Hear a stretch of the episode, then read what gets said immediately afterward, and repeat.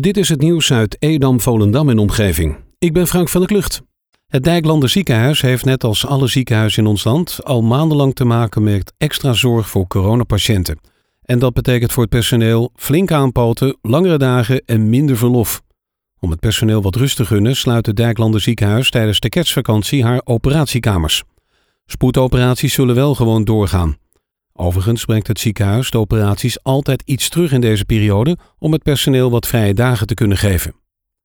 In Nederland leven bijna 1 miljoen mensen onder de armoedegrens. Zeker rond de feestdagen is voedselhulp van groot belang. FC Volendam hoopt dat zoveel mogelijk mensen in de decembermaand kunnen genieten van lekker eten, net zoals de fans dat doen bij de thuiswedstrijd in het Krasstadion. Daarom slaan FC Volendam en de Voedselbank de handen ineen met de verkoop van een virtueel broodje bal. Je ontvangt het broodje bal niet in je handen, maar je zorgt er wel voor dat de Landelijke Voedselbank gezinnen kan helpen die het minder breed hebben. Je kan al een broodje bal kopen vanaf 2 euro.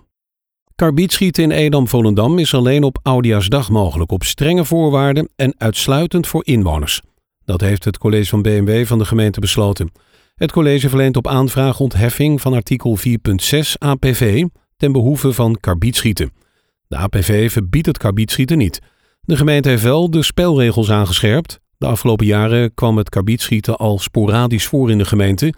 De gemeente wil ook niet alles verbieden, maar roept wel op tot grote voorzichtigheid. De aanvraag moet uiterlijk woensdag 23 december binnen zijn. Op de kruising van de Waterlandlaan en de Wielingenstraat in Purmerend is gisteravond een voetganger zwaar gewond geraakt bij een aanrijding. Het slachtoffer kwam bij de botsing met een auto hard en val en raakte met zijn hoofd de vooruit. De hulpdiensten, waaronder veel politie en twee ambulances, kwamen met spoed ter plaatse. Uit angst voor hersenletsel werd ook een traumahelikopter opgeroepen. Het duurde te lang voordat de helikopter arriveerde en werd daarom niet op het traumateam gewacht. Het slachtoffer is met spoed per ambulance naar het ziekenhuis gebracht. De inzamelingsactie van de protestantse gemeente Monnikendam heeft vijf zakken kleding opgeleverd voor de Amsterdamse daklozenopvang De Regenbooggroep. Mensen konden hun kleding inleveren bij de opstandingskerk in Monnikendam. Zo'n 20 tot 30 mensen deden dat. Zij hebben nu vijf grote zakken met onder andere sjaals, mutsen, handschoenen en skisokken. Tegelijk met de actie was er ook een inzameling voor de voedselbank Purmerend Waterland. Daarvoor kwamen 10 kratten binnen. De supermarkt in Purmerend mogen in aanloop naar de kerstdagen twee dagen langer open dan gebruikelijk. Het college heeft besloten om aan de verzoek van de supermarkt brandschoor te geven. De supermarkten verwachten de dagen voor kerst grote drukte. Het Centraal Bureau Levensmiddelhandel heeft daarom gemeenten gevraagd om extra winkeluren beschikbaar te stellen om de grote aantallen klanten beter te kunnen spreiden en daarmee de veiligheid en ruimte voor de klanten te waarborgen. De supermarkten krijgen toestemming om zondag 20 december hun deuren te openen van 7 tot 10. En datzelfde geldt voor de dag voor kerst. Basisschool De Weidevogels in Purmerend sluit in aanloop naar de kerstvakantie nu alvast haar deuren. Daartoe werd besloten nadat enkele medewerkers positief waren getest op het coronavirus, vermeldt NAD. Ook enkele kinderen bleken besmet, waarna de school besloot tot sluiting. Ouders-verzorgers van de weidevogels zijn over het besluit geïnformeerd. De medewerkers zijn naar grote waarschijnlijkheid buiten het schoolgebouw besmet geraakt. De leerlingen volgen onderwijs op afstand en zijn naar verwachting na de kerstvakantie weer welkom.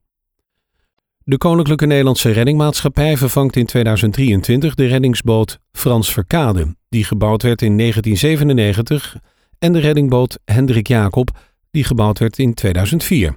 Momenteel doen beide boten dienst op het reddingsstation Marken. De vervanging hangt samen met een ambitieus vervangingsplan van de hele KNRM reddingsvloot tussen nu en 2035. De KNRM investeert hiermee in de toekomst voor een veilig vaargebied in Nederland. Drie jonge ondernemers uit Volendam hebben een brandbrief geschreven aan staatssecretaris Mona Keizer. Een schreeuw om hulp vanwege de situatie waarin ze verkeren, zo schrijft het Noord-Hollands Dagblad. Nadien Schilders startte samen met haar vriend Dien Nicol een paar maanden geleden restaurant 35 aan de Dijk in Volendam. Romy Karregat opende dit voorjaar haar Romy's Kitchen aan het Europaplein. Alles wat ze een paar maanden geleden hebben opgestart is nu weg.